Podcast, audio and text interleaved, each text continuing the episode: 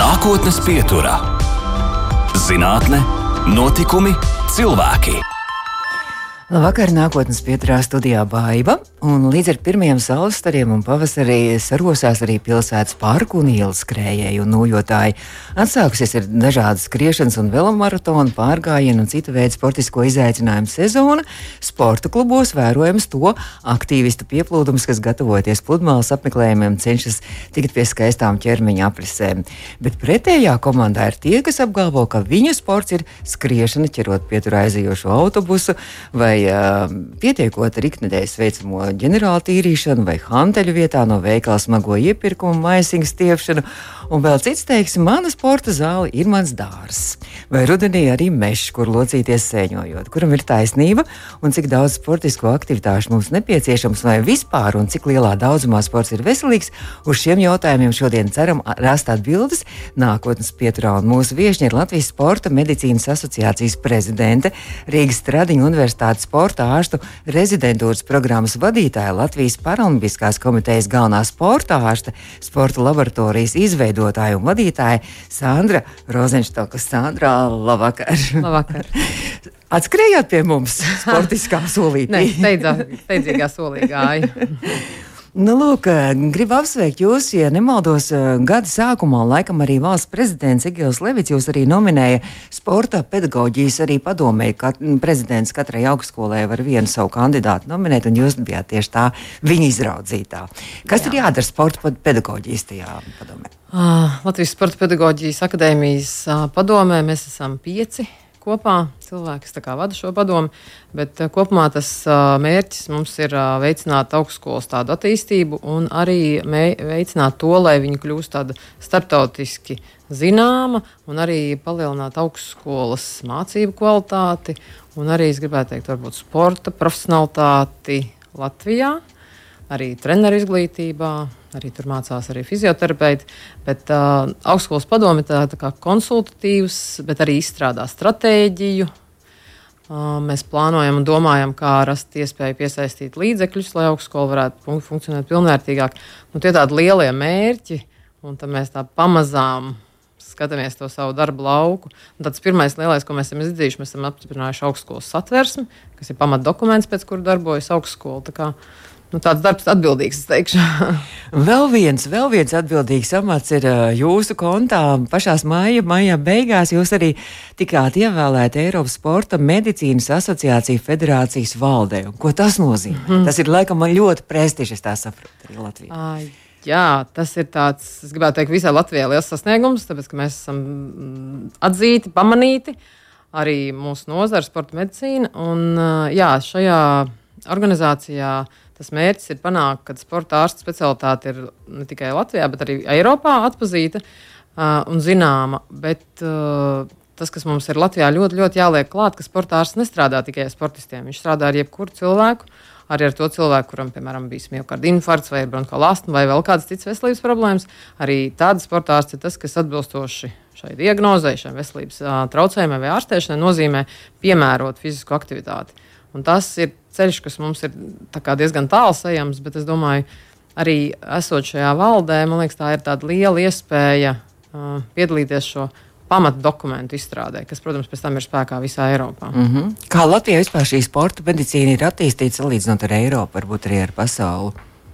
Vai jūs esat um, vienīgā sporta laboratorija, kas ar to nodarbojas? Uh, nē, ir uh, Eiropā vēl ir diezgan spēcīgi. Ir uh, Itālijā. Viņiem ir tāds pamatlikums, kas ir pieņemts īstenībā 1982. gadā. Uh, pamat uh, aprūpe, tātad bērni līdz 17 gadiem tiek aprūpēti valsts finansējuma ietvaros, un pēc tam pārējie ir kā, uz privātiem līdzekļiem vai sporta klubu līdzekļiem. Un, uh, bet viņiem nevar sacensībām reģistrēt nevienu dalībnieku, ja viņš nav pārbaudīts reizi gadā. Uh, Un ar to viņi tādā Itālijas ietvaros ir veikuši ļoti lielu darbu, samazinot pēkšņas nāves riskus arī amatieru sportā. Nu, Latvijā mums uz to ir jāiet. Mm. Bet runājot vispār par, par sportisko gāru un par sportiskajām aktivitātēm, kā Latvija izskatās arī uz pasaules fona vai vispār Latviju. Mēs runājam jau pirms rādījuma, jūs teicāt, ka īstenībā cilvēki nemaz nav Latvijā tik sportiski aktīvi un fiziski aktīvi. Ah, kā, man liekas, tie, kas ir aktīvi cilvēki, tie arī piedalās, brauc un dara, un viņi redz apkārt sev aktīvus cilvēkus, tad tā liekas tādā, nu, tā, ka liekas, ka visi sporto. Jā. Es jau arī tomēr dzīvoju siltumnīcā, man apkārt viss kā sporto un nāk pie tie, kas grib būt aktīvi, grib uzvarēt, grib svaru samazināt, grib būt veseli. Nu, tad, tad kaut ko grib kas jau ir puse no visām tādas lietas. Ja? Bet eh, tā kopumā, man liekas, Latvijas pētījumi ir tādi, ka eh, apmēram 40-42% Latvijas iedzīvotāji ir fiziski aktīvi. Bet pasaules, tas ir maz, jā. jā, tas ir salīdzinoši maz, bet vēl ir tādas Pasaules veselības organizācijas vadlīnijas, kas ir eh, pagājušā gada novembrī pilnveidotas, papildinātas, iesakot pieaugušam cilvēkam fizisku aktivitāti no 150 līdz 300 minūtēm nedēļā kas īstenībā ir pietiekami daudz. Es tagad rēķinu. Tās ir 5 stundas. Nedēļā būt fiziski aktīvam. Fiziski aktīvs nozīmē to, ka ir uh, cilvēks vismaz iesvīdis. Mm -hmm. ja? Un, uh, oh, līdz ar to tas apmēram sēņu lasīšana. Jā, jā, šo mērķi, šo mērķi 300 minūtes nedēļā uh, realizē tikai 10% Latvijas iedzīvotāju. Bet kas, piemēram, ir tāds, ja, nu, tieši ko es sākumā teicu, nu, māja, viņš saka, jā, cilvēks saka, es tīru māju katru nedēļu, un man rīktīgi ir, es mm. tiešām, tas, tas man, es nogurstu, man pietiek ar šīm fiziskajām aktivitātēm. Vai? Jā, tā ir fiziska aktivitāte arī, nu, šeit bieži vien ir tādas Latvijas tādās aptaujās, citreiz jauc kopā fizisko slodzi ar fizisko aktivitāti. Fiziska aktivitāte ir jebkura aktivitāte, arī dārsts, arī mājas darbi, arī sports. Bet tas nav tajās 300 minūtēs. Nē, jā, tā, tā fiziskā slodze tā ir tā, tā svarīgā. Bet cilvēkam būt fiziski aktīvam, vajag arī darot mājas darbus, bet jāņem vērā, ka tā slodze ir salīdzinoši vienveidīga. Mēs darām kaut ko noliekušies vai uz priekšu saliekušies. Un, ja pēc tam cilvēks velta, nezinu, izstiepjās, velta pretējām muskuļu grupām, ja tā kā iztaisnojās, varbūt tur, nezinu, izapļo rokas, izšūpo kājas, tad jau viņš dara sev daudz labāk nekā viņš tā sastrādājās un tad atsēž dīvainā, tāds pats salīdzies. Ja? nu, jā, tas man liekas, tāds, tādiem darba rūķiem bieži vien tas pietrūkst. Bet, nu, kas tas tāds vienkāršākais varētu būt, ko jūs ieteiktu, ko darīt? Iet uz ar kājām daudz staigāt, vai tas tā nav vēl tā fiziskā slodze? Ne, tā ir, ir, tā, tā ir fiziskā slodze, jā, tāda fiziskā slodze. Uh, mums ir vajadzīga tāda aeroba. Tas nozīmē, tad, kad cilvēks var kā, parunāt, vai arī, kā, ja viņš grib intensīvāk, tad viņš var pateikt trīs, četrus vārdus. Tad līdz vidējai intensitātei, uh, ka cilvēks vai nu viņš iet pastaigāt, bet viņam pa laikam vajadzētu kā, steidzīgāk kā steigties. Jo vēl ar riteni var braukt, skrituļot, var nu, tur airēt. Mm -hmm. tad, tad viss, kas ir izturības sporta veidi. Bet ļoti svarīgi, un diezgan daudz cilvēkiem ir arī jāmēģina noregulēt savus svars vai uzturēt tāds optimāls svars. Uh, tad ir ļoti būtiski pievienot kaut kādus mazus spēku vingrinājumus. Kaut vai pacēlienu pirsgalos, vai, piemēram, ieraugt kādu foršo stieni vai koku, pret viņu uztaisīt tādas vertikālas piepumpēšanos. Ja nevajag uzreiz mesties zemē, ja jūt, ka nav gatavs. Ja? Nu, tādus mazus spēku elementus, ja kaut kādus mazus izklupienu solīšus pataisīt, ja tur paiet uz pirsgaliem. Tādas nelielas iekšā, kas ķermenim tā kā mazliet pārsteigums. O, atkal jāadaptējās. Jo, ja cilvēks ir pieredzējis iet vai pieredzējis braukt ar riteni uz darbu, tā viņam kļūst pierasts slodzi, un viņu vairs viņu netrenē. Jā. Tas ir tā ir mana lieta. Jā. Man, man, man, man arī tā liekas, man saka, to ar riteni brauc. Man liekas, tas ir sīkums. jā, jā, vai ne tā slodze ir pierasta. Tad līdz ar to ir jāmeklē tādi mazi, mazi elementi. Izaicinājumi. Jā, izaicinājumi. Tādi lai tiem muskuļiem būtu jātrenējās, lai atkal nervu sistēmai būtu jākoordinē kustības, jāadaptējās. Tas ir tas mērķis. Jūs arī teicāt, ka jums pavisam drīz arī jūnijā. Tas ir jau tagad, jūnijā. Jums jau ir nezinu, jūnijā vai jūlijā. Stāv priekšā arī, arī jums arī viens izaicinājums, bet tas nebūs sportiskais izaicinājums. Jā, jā, tas, tas būs profesionālais. Jā. jā, tas ir profesionāls izaicinājums. Es uh, plānoju aizstāvēt savu doktora darbu. Jā. Un par kādu tēmu? Nu, tā kā medicīna. Par sporta medicīnu. Tā, jā, tēma, nu, pamatā nozare ir kā medicīna, bet uh, es kā eju medici, kliniskā medicīnā, bet, protams, ka tur ir iekļauta arī sporta medicīna. Tad tas pamatā tēma ir tāda, vai tā fiziskā slodzes tolerants, tas ir kādu treniņu režīmu cilvēks dara, kādu slodzi viņš veids, vai tā ir piemērota viņa veselībai un fiziskai sagatavotībai. Mm -hmm. Un tie secinājumi no šī darba ir tādi, ka uh, veselības stāvoklim ir piemērota tā slodze, bet viņi nav piemērota fiziskai sagatavotībai. Tas nozīmē, ka cilvēki uh, nu, atcerās, ka oh, ir pasākums, ir sacensības, viņi brauc un piedalās. Viņi izdara to. Bet īstenībā tā slodze ir tā tajā reizē, viņiem sanāk pārslodze. Pēc tam mm. viņiem vajag ilgāku laiku, lai atjaunotos, un atkal nākamais sacensības. Ja viņi dzīvo no sacensībām uz sacensībām. Tas ir diezgan daudziem, bet daļa, protams, arī ir kā, labā fiziskā formā. Tā. tā kā nemaz tā uzreiz, ja, ja, ja nav kādu laiku sportots, kaut vai kaut kādu mēnesi ir izlaists, tad vajag pakāpeniski. Jā, tad atkal mēs vienu, divas nedēļas iestrādājam pakāpeniskumu. Jā, jā jo tieši, tieši tagad ziņā šodien arī iet, ka, ka Valmierā nedēļas nogalē būs arī tas ultramaratons, cik tur 107 vai cik kilometri. Tā klausītājiem, kur tagad gribētu tajā visā iesaistīties, varbūt izaicināt sev tad labāk, ja, ja, Nē, ja viņi, nav. Tie, kas parasti piedalās šādā 100 km garā garā skrējienā viņi parasti jau sevi pazīst, viņi zina savu skriešanas tempu. Tas ir tas, ir tas svarīgais. Uh, otrs, viņi saprot, kā nostādīt savu elpu, lai tur nesāp sāns vai vēl tur elpu netrūkst. Un tā. Uh, un uh, liela daļa no viņiem ir arī pārbaudījušies, nu, ka viņi ir pārliecināti, ka viņi var to darīt. Un tas, kā, man liekas, ir labi, ka mēs varam arī tādas sportāžas konsultācijā izrunāt. Mm -hmm. Bet tagad, izdzirdot reklāmu, izdomāt, o, oh, es, es varētu piedalīties, izmēģināt tā labāk. Nē, nu, cilvēki dara trakas lietas. Bet... es zinu vienu šādu traku gadījumu, bet mēs par to šobrīd nē. Un mūsu studijā ir sporta ārste, sporta laboratorijas vadītājs Andra Rozenštoka. Nākotnes pieturā - zinātne, notikumi, cilvēki. Turpinām nākotnes pieturu. Mūsu rādījumu varat arī pēc tam noklausīties eh, Latvijas Rādio 2 mājaslapā, audio saitē un arī podkāstos lielākajās vietnēs. Mūsu viesiņš šodien ir Latvijas Sporta medicīnas asociācijas prezidente, arī Latvijas Paralimpiskās komitejas galvenā sporta ārsta sporta laboratorijas izveidotāja un vadītāja Sandra Rozenštok, un kā jau noskaidrojām, arī šobrīd arī uh, valdes locekle Eiropas Sporta medicīnas asociācija federācijā. Sandra, ir dažādas šobrīd uh, zināmas un ar vienu un droši vien attīstās dažādas metodas un testi, kā noteikt to, to ideālo to cilvēkam, to fizisko slodzi un to sagatavotību, cik daudz viņš droši vien viņa ķermenis un viss viņa organisms e, var, var izturēt un cik daudz to slodzi drīkst viņam uzkraut. Kādas ir tās galvenās tās metodas, vai jūs varētu pastāstīt arī klausītājiem? Jā, tad tā, ka cilvēks kā, vai nu viņš jau sporto, vai viņš vēlas sākt, tad uh, pirmais ir saruna ar cilvēku. Vienmēr ir tās sūdzības, vai viņas ir saistītas ar slodzi, vai viņas nav saistītas ar slodzi, vai vispār ir sūdzības.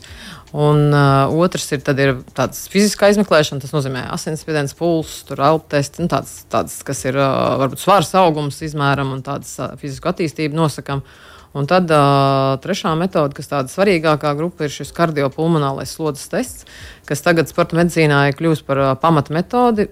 Tad mainījās šis status pirms diviem gadiem. Un, uh, ja ir izmaiņas vai kaut kādas novirzes kardiopulmonālās slodzes testa rezultātus, tad tālāk mēs sūtām vai nu uz ehokardiogrāfiju, vai nu uz miocarda perfūzijas cintigrāfiju, vai uz koronogrāfiju, nu, tātad uz citām visām metodēm, kas mm. ir vajadzīgas. Jo mm, tas, pie kā nonāca šī Eiropas Sporta medicīnas federācija, pie secinājuma, ka uh, pārbaudot sirdi gan mierā, gan arī funkcionālas slodzes laikā, tas dod tā tādu vispilnvērtīgāku informāciju par sirds asinsvadu sistēmas adaptāciju. Jā, tāpēc uh, tā ir tā metode, ko es arī pamatā esmu izvēlējusies savā darbā. Praksē. Bet, uh, kā šo, to dara? Kaut ko jūs liekat skriet, un tad mērat pulsu? Nu, tad un... Eh, ir eh, iespēja darīt uz dažādiem slodzes rīkiem, vai nu tas ir skrejceļš, vai nu tas ir ritens, vai nu roku argumentus, jo parasportisti arī uh, tieši tāpat tiek testēti. Tad iespējams, varbūt airēšanas trenižers arī. Uh, un tad ir tā, ka cilvēkam ir uh, gan uz sejas maska, viņš elpo caur sensoriem, mm, ir skābekļa sensors, augstskābā gāze, tilpums, tur ieelpas, izelpas laika, tur daudz dažādu sensoru. Tad ir par sirdi tas pats, arī sirds izsvieda, elektrokardiogrāfija, asinsspiediens. Nu, tur, un trešais ir par fizisko sagatavotību, trenētību. Un tad tas, kas man liekas, tāda lielā vērtība šiem datiem ir, ka var redzēt šo sistēmu sadarbību. Kura no šīm sistēmām ir vājākā, kas nu, nedod rezultātu vai dod sūdzības, un tad kura no viņām ir jāpilnveido, lai tas kopējais rezultāts iet uz priekšu. Nu, jā, tās ir tādas pamat, pamat lietas, kuras tiek skatītas. Un uh, vēl man liekas, tas, ko es esmu iemācījies, ja arī pieredzi guvusi, un to, ko es tagad jūtos diezgan pārliecināta, ka es māku šos rezultātus uh, tulkot vai pārveidot vai attiecīgajā sporta veidā. Mm. Basketbolā, kā, kas jāiekļauj treniņos, skrējējiem, kas jāiekļauj treniņos riteņbraucējiem. Jo vienmēr rezultāti jau ir, bet mm -hmm. svarīgi jau, ko ar viņiem darīt. Jā, tā. bet pie jums pārstrādā tomēr uh, par šos testus veids arī profesionālai sportisti vai tomēr arī? Profesionāli sportisti arī. Uh, nu, citreiz tā, ka viņi tā kā no lidostas gan arī pat taisnām tiek vesti, jā, pārbaudīt, un pēc tam tikai noslēgts līgums. Tas ir profesionālā sportā. Tad mēs pārbaudām arī izlašu sportistus, bet uh, Latvijā tomēr profesionālais sports ir salīdzinoši šaura tāda joma. Mm. Līdz ar to liels darbs arī, man liekas, tas ir tikai iegūms cilvēkiem ir ar. Cilvēkiem, amatieru sportistiem, vai tiem, kas paši grib būt aktīvi, vai tie, kas atved vecākus. Mm -hmm. Jā, tad, tad nu, es testēju, man liekas, jaunākais ir no četriem gadiem, un vecākais ir 94 oh, gadi. Fantastiski. Jā. vēl kādi testi ir arī tur, man liekas, muskuļu tests. Jā, vēl, muskuļu vēl arī... testēšana. Tas ir tad, kad, ja, piemēram, cilvēkam kaut kādas sāpes vai kaut kādas um, ceļlocītās problēmas vai muguras problēmas, tad tālāk testēt tiek muskuļu garums, muskuļu spēks. Uh, arī šīs stājas gaitas izmaiņas, jo tā lieta, kas cilvēkam pie šādām sāpēm vai traumām notiek, viņš dara pielāgot, viņš maina, nu, tā lai nesāp. Ah. Un līdz ar mm. to sanāk, ka viņš citas muskuļu grupas pārslogo, Un tās, kas sāp, viņas jau varbūt arī slinko, un līdz ar to viņas arī paliek vājākas un netiek trenētas. Un tad, līdz ar to kā, notestējot, zinot, uz ko mētiecīgi var atkal šīs lietas kā, nu, izlabot un palīdzēt. Tad var ieteikt arī ko vairāk, arī patrēnēt. Jā, jā. Arī, nu, un tad vēl viena metode, ko mēs darām, ir kalorimetrija, tas no vārda kaloriju mērīšana. Tā ir vielmaiņas tests, kurā cilvēki, kuriem ir uh, profesionāli sportisti, arī to dara. Viņi grib zināt, cik viņiem ir dienas patēriņš, cik viņiem jāuzņem, lai viņiem būtu optimāls darba spējas. Bet arī tiem cilvēkiem, kas grib palielināt vai samazināt svaru, tad arī šī metode ir tā, kurā atrodas slodzi, pie kuras maksimāli tērējas tauku rezerves un cik tajā dienas nu, cēlienā viņiem vajag. Gan treniņu dienās, gan bez treniņa. Tas nemaz nav tā, ka, ka, ka teiksim, vispārēji diēta tur ievēro kaut kur izlasījis vai ko iesaka arī nezinu, mēdījos, arī tur dietologi iesaka, tur tā un tā vajag to un to. Nē, nu, Katru vienmēr iet kopā ar uzturu. Mm -hmm. Jā, individuāli, protams, tas vienmēr Nevis. ir. Jā, bet uh, uzturam vienmēr vajadzētu iet kopā ar aktivitāti, jo, ja mēs gribam ilgtermiņā saglabāt rezultātu, tad mums ir svarīgi, lai veidojās cilvēkam šī muskuļu masa, jo muskuļi ir tie aktīvi audi, kas šo enerģiju tērē. Un to tauku metlīti jau mēs tikai nesājam mm. līdzi. Viņi ir ļoti lēna vilmaiņa. Mm. Un tāpēc ar fizisko slodzi paralēli kā, uztur principus izrunājot un paralēli dodot cilvēkam fizisku aktivitātes rezultāts, ir tāds, viņam, viņš jūtas pārliecinātāks. Viņš sāk sevi saprast, sajust varbūt mīlēt sevi. Kā pēc tam, pēc tam arī kaut kāda jums ir arī atgriezeniskā saite? Jā, jā, jā. jā. Tie cilvēki, tie, kas ir tādā manā redzeslokā, viņi nāk. Ir tā, ka mēs pēc desmit gadiem tiekamies, ir kad pēc pieciem, ir kas nāk divreiz gadā. Tas ir katrs cilvēks atrod to savu optimālo. Jā, un man liekas, tas arī veido to pieredzi. Kad es viņus redzu atkal, tu viņi stāsta, kā viņiem gājis, un pēc tam, un, un tad mēs atkal plānojam nākamo posmu. Un ir tāds progress arī, ja jūs jā, jā, ir tāds. Uh, Es esmu iemanījusies, ka es nezinu, kāpēc, bet vairāk nāk vīrieši. Varbūt tāpēc, ka sporta laboratorija, es nezinu, kāpēc tas nosauc, vai kā, nu tā, kaut kā tā ir sanācis. Un, uh, un tad viņiem kaut kā ļoti labi strādā tie rezultāti. Nu, tā kā noturīgi. Mm -hmm. Jā. Vēl es lasīju, arī jūs, jūs mājaslapā skatījos, arī vēl viens ir tāds tests, kur kaut ko no izelpas nosaka arī, jā, to uh, Jā, kontrolē. Iz, jā, ja? izelpu, jā, tas tieši ir sensori, ko pievieno gan mēs viņu esam taisījuši mierstāvoklī, uh, mierstāvoklī mēs taisījām, tad nāca šie dziļūdens peldētāji. Un tā ļoti interesanti. Viņiem uzliek to masku, un viņi tagad uh, aiztur elpu. Un tur redzat, tas sensoros, ka viņi patiešām neelpo. Paiet jau 4 minūtes, un viņi patiešām neelpo. nu, jā, un tad, viņi, tad mēs viņiem tad viņi tālāk sāk nākamo fāzi, kad viņiem ir slodzes fāze, un tad viņi kā pakāpeniski iet uz priekšu, un tad mēs redzam, kā tas skābekļa saturācija, ja, nu, tā, viņi neelpo, viņš ir samazinās, mm -hmm. un pēc tam atkal kā organisms spēja adaptēties un tad uzņemt vairāk, lai kompensētu. Jā, nu tā, tā ir tāda zinātne, jā, kur var iesaistīt. Tie anaerobie testi ir vai tas jā, ir? Jā, anaerobais slodzes tests mm -hmm. ir, uh, kur atkal cilvēks veids tādu ļoti intensīvu slodzi. Um, trīs reizes vairāk nekā viņš sver, un pēc tam viņš veic četras reizes vairāk, piecas reizes un sešas reizes vairāk. Un tad mēs skaitām tos atkārtojumus. Un tad nosaka, cik daudz, cik augstu pienskābes līmeni cilvēka ķermenis var turēt. Mm -hmm. Jā, nu tā, katram ir tās savas spējas, cik kurš var nu, strādāt. Bet mēs, piemēram, tagad sabaidījām mūsu klausītājus, kas varbūt kaut ko grib darīt. Tad ne jau katram liek šo šīs milzīgās slodzes likt, jā, nē, nē, kā tas varbūt cilvēks nāk, pielāgojot. Un, tas, arī, un tie testi sākas ar salīdzinoši mazu slodzi un tālāk, cik vienmēr tā ir sadarbība. Mm -hmm. Mēs skatāmies monitoros, kas notiek ar cilvēku tiem rādītājiem un sekojam līdz kāds viņš izstāsta, nu, arī jautājumu, kā viņš jūtas. Bet cilvēkam ir uzdevums pašam sekot līdz pašsajūtai, un mēs ejam tajā kalnā tik lielā, cik cilvēks jūtas nu, pavisam mm -hmm. pārliecināts. Droši, jā. jā. Tad vēl es skatījos, ka vēl ir tāds, piemēram, tāda holtera monitorēšana, ko tas nozīmē. holtera monitorēšana, jā, ja ir, piemēram, šajā kardiopulmonālās slodzes testā atklāja kādus sirds ritmu traucējumus, kādus pārsitienus, jā, vai arī, piemēram, kādu pauzi vai nu, vēl kaut kādas izmaiņas, tad tiek uzlikts diennakts pieraksts, vai, bet sportā citreiz, lai uzķertu kaut kādu knifiņu, vajag ilgāk, un tad mēs citreiz rakstam līdz septiņām diennaktīm sirds ritmu. Cilvēks dara, ko viņš dara, viņš iet uz treniņu, viņš guļ un nu, visu, visu, visu mm. savu ikdienu, paralēli raksta dienas režīmu, un tad pēc tam ir šī milzīga, milzīga garā kardiogramma, kur tiek analizēta un uh, novērtēts risks, vai ir paaugstināts risks. Nu, tas, kas mums ir svarīgi. Uh, jā, lai nav, nebūtu tādas situācijas kā pēkšņi nāves sportā, kas ir ļoti nopietnas. Un, situācijas. Jā, runājot par šo, šo amatieru sportu, vienkārši savu brīvā laika sportu un arī profesionālo sportu, droši vien tās ir divas absolūti dažādas lietas un arī atšķirīgas. Jā, lietas. es varu piekrist, bet man jāsaka, ka pēdējā laikā šīs sacensības ir pieejamas. Nu, es nedomāju, ka tur Olimpiskās spēles nē, bet nu, tādas, kas ir tādi pasākumi, viņi ir pieejami, kad arī uh, amatieris var pieteikties profesionāļu grupā, piemēram, riteņbraukšanā skriet, ja, un arī maratonā distance jau netiek dalīts. Un, uh, līdz ar to ir diezgan liela tā cilvēka atbildība, ar kādu viņš kā, pats pret sevi. Un, uh, tas man liekas, nezinu, vai cilvēki zina, bet sporta likums nosaka, ka cilvēks pats ir atbildīgs par savu veselības pārbaudīšanu. Un arī nu, par šo veselības mm -hmm. apdrošināšanu tā tālāk. Tā. Jā, bet uh, tas svarīgais ir uh, nu, neaizmirst sevi. Jo, ja ir kāda sūdzība, tad viņi ir jārisina. Nu, tā. mm. Un tad arī man liekas, ka kā, katrā profesijā ir sava tāda nu, krīze, pārdomu brīdis. ja? Un tad manā bija tāds, kad ir jauni cilvēki, 20, 30 gadīgi, nu, piemēram, ja? viņi ir veseli, sporto, dara vai strādā, vai nesporto un strādā un tā tālāk. Un tad ir cilvēki, kuriem ir gados, kuriem ir uh, slimības, viņi dara daudz zāles. Nu, kā tad tie veselie mm. nonāk līdz tajā, mm -hmm. kur tās zāles daudz, ja kur tie vecāki cilvēki. Nu, jā, un man liekas, tas, ko es tādā savā profesijā esmu sapratusi, ka mēs ļoti daudz ko uzķeram pa ceļam. Un tikko kaut mazākā pazīme ir, tu uzreiz uz viņu vari strādāt. Uzreiz ar fizisku aktivitāti, aktivitāti var ļoti daudz ko ārstēt, piemēram, paaugstināt asinsspiedienu. Un, un tad sanāk, ka mēs maksimāli attālinam to brīdi, kad vajadzēs tās zāles. Vai arī vispār novēršam mm -hmm. to mhm. risku. Bet galvenais ir laicīgi to pamanīt. Un tas, man liekas, ir tāds pamanīt. Droši vien arī tā ir sadarbība arī ar šo cilvēku. Jā, arī viņam jā. ir galvenais arī, uh, jūs esat pamanījuši un iesakat, bet viņam arī vajag gribēt un arī darboties, nu, jā. acīm redzot. Jā, jā nu, tā ir tā mana iespēja, kad, uh, kad man nav tā lielā bosa darbā, un kad es, ja man vajag runāt stundas, runāju stundu, ja 20 minūtes, 20 minūtes. Nu, tas, ka kamēr mēs saprotamies.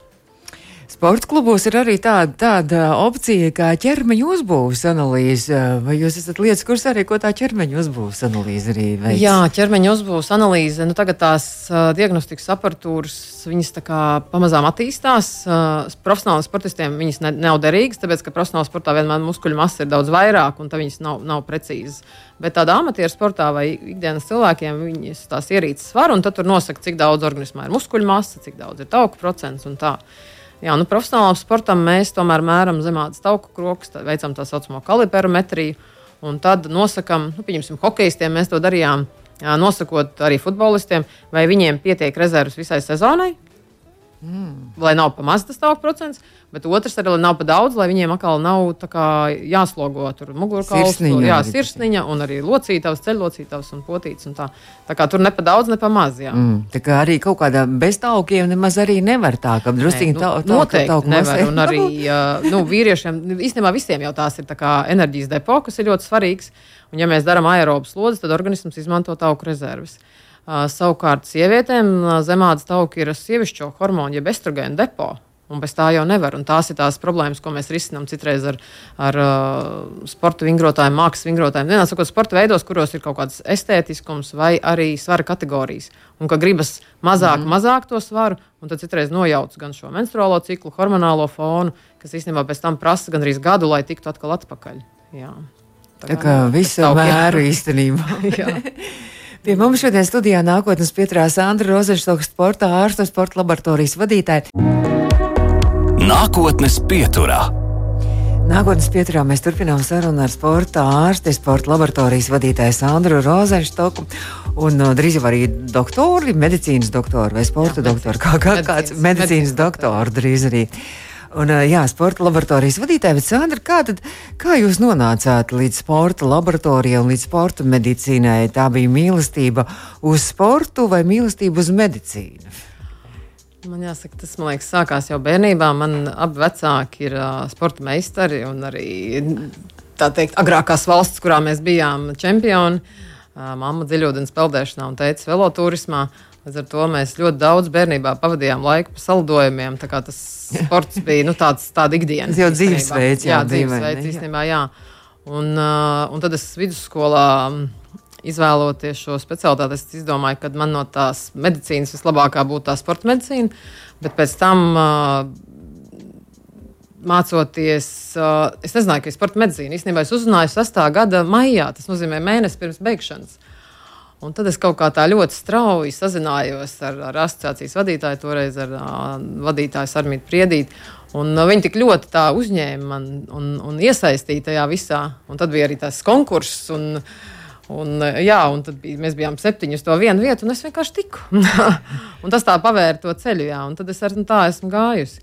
Un, uh, bet tad es strādāju šajā valsts sporta medicīnas centrā. Uh, arī tur mācījos. Un uh, pēc tam likās, ka ir jāiet uz priekšu, tā kā jādara tā kā pēc tādām jaunākām vai tādām pasaulē pieejamām me metodēm. Un tam manā māsa vienā dienā teica, ka uh, nu, tad darām. Un, uh, jā, un tad manā māsa Agnēs, uh, mēs kopā izveidojām, viņai ir uzņēmējdarbības maģistra grāts, un tad mēs kopā izveidojām uh, šo biznesa plānu caur tādu altuma projektu, kas bija toreiz atbalstīja. Uh, Un, jā, un tā mēs arī tā sākām. Un tā tas ir izdevies. Jā. Fantastiski. Jā, tā mēs tā no tāda paša, paša, paša sākuma, bet līdz ar to tāds grūtais ceļš ar visiem sporta pasākumiem, kur mēs esam braukuši un cilvēkiem stāstījuši, ko dara sportārs. Man liekas, tas tā ir devis nozarei arī tādu lielu ieguldījumu. Tik īstenībā jāgribēja prasīt, vai jums ar eh, sportu kāds ir attiecības, tad pilnīgi skaidrs, ka tas ir. Es arī pati agrāk basketbolu spēlēju, un cik interesanti man ir ar pārējiem, ar komandām, kuras braukusi ir sudraba un bronzas medaļas, bet zelta medaļa man ir tikai savējā. nu, pagaidām vismaz, jā. Jā, tas basketbola oranžajā bumbā. Jā. Jā, bet nu, tagad es uh, dejoju tautas jā, tautas dejas ansamblī līgo. Jā, mēs noskaidrojam, ka gatavoties jau dziesmu svētkiem, jā, nākamās jā, vasaras. Jā, jā īstenībā, jā, nu, jā, pamazām jau, jā, jo mums jau tā kā skata bija un arī repertuārs jau arī mums jau ir mm -hmm. zināms, jā. Un, nu, Jāņa Purviņa jau citādi jā. nevar būt. nu, mēs arī tajā aizkadrā runājot, noskaidrojām, ka mēs esam neklātienē arī pagājušajā vasarā, kad, kad man tā likās, ka visi, visi Rīgas pārki čum un muģi no dažādām sportiskām aktivitātēm, kur gan joga vienā stūrī, vienā aerobika, vienā vēl kaut kāds fiziskais treniņš. Un, Un, un, un mēs arī esam vienā parkā satikušies. Es biju uz sportisko treniņu, un, un jūs savukārt uz savu deju mēģinājumu sēdējāt un uz uh, tribīnēs un gaidījāt, kad mums beigsies. Un mm. jūs sākāt jā, jā. tur arī tā kā. Jā. Jā, jā, tā bija tāda laba iespēja. Jā. Jā, bet uh, runājot arī par jūsu, arī uh, visu jūsu darbību un darbošanos, tad man liekas, tas arī ļoti aizraujoši, ka jūs esat paralimpiskās arī komitejas, arī sportā ārsta. Jā. Tas ir tas arī ir mans nozīmē, tāds jā. brīvprātīgais darbs, uh, jo man liekas, ka tā iespēja cilvēkam, kuram ir dažādas dzīves notikumi bijuši, kas maina viņa dzīvi, vai nu arī ir kaut kādas iedzimtas lietas, kas ir savādāk. Man liekas, ka mums ir jāpavēr tās ceļš, tās iespējas.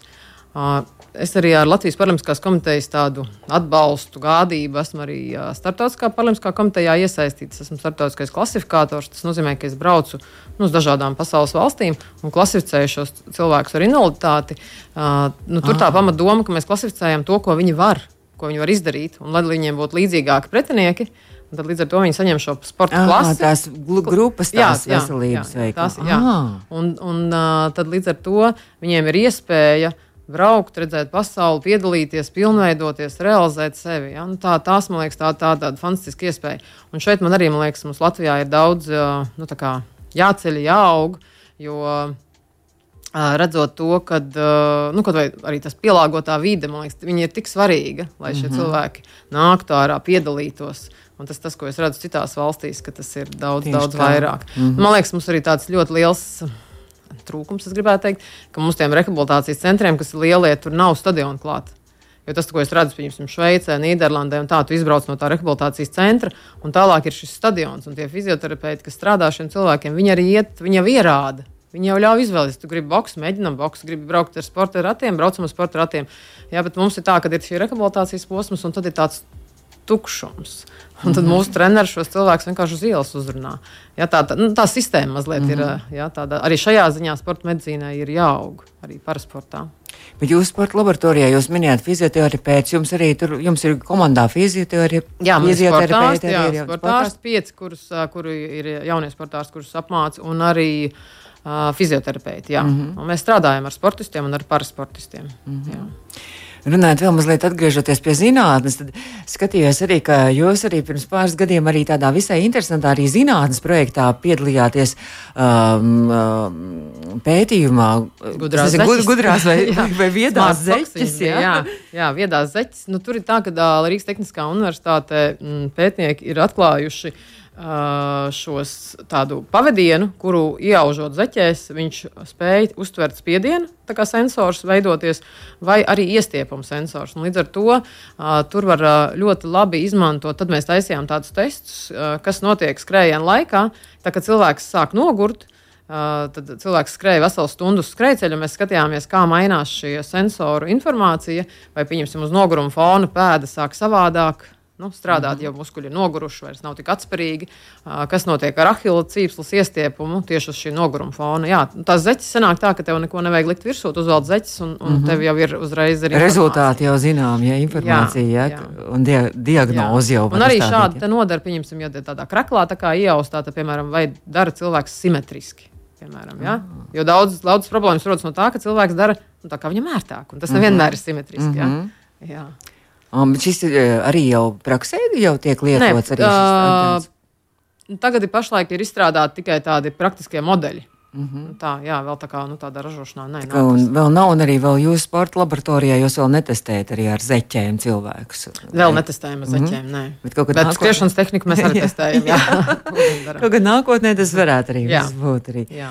Man jāsaka, liels paldies, ka jūs atradāt laiku pie mums atnākt šajā vakarā, nākotnes pieturā. Ko jūs klausītājiem tagad varētu ieteikt? Nu, varbūt mēs jau esam kaut kā jau viņus tā kā ierosinājuši, jau sākuši jau domāt, ka jau vajadzētu kaut ko darīt, ko lai viņi, ar ko lai viņi sāktu. Nu, pirmkārt, ir padomāt par sevi, par savu pašsajūtu. Un, jo sākot fizisku aktivitāti, nevienmēr ir tā viegli un forši. Līdz ar to sākumā sarunāt ar sevi, ka, piemēram, nedēļas trīs vai četras, divas reizes nedēļā, nu tā sākumā būtu labi, tā divas, varbūt pēc tam trīs reizes nedēļā, atvēlēt sev no 30 līdz 60 minūtēm laiku. Un tad sākumā var pat nevilkt sportā, bet vienkārši iet ārā, aiziet pastaigāt, atnākt atpakaļ, ieraugt stieni, varbūt tur grib kaut ko padarīt vai negrib padarīt. Pēc tam, kad sajūta, oh, gribās uzvilkt sportā, lai pie tiešām tur varētu kaut ko pavingrot un padarīt, tad mēs velkam to sportā. Tad īstenībā draudzēties ar sevi. Un ļauties tai aktivitātei, tai spontānai aktivitātei, kas ir ļoti, ļoti vajadzīga. Jo, ja mēs paši esam aktīvi, mēs arī bērniem rādām mm. to, kā ikdiena viņiem būt aktīviem. Tas Nu, tā kā, kā jūs piemērs arī, ka jūs jau, jau kopš bērnības tajā vidē jau dzīvojāt, Jā. un bez tā jau, tad, tas tā jau ir nepieciešamība. Jā, jā, jau tā viss, ir, jā. Tā ir, jā.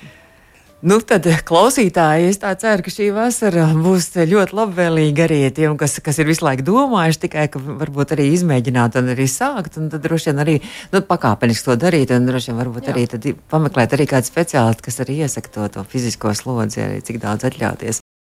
Es saku lielu paldies, eh, ka jūs atnācāt pie mums šajā vakarā un iedvesmojat mūs visus. Paldies! Izskan nākotnes pieturā.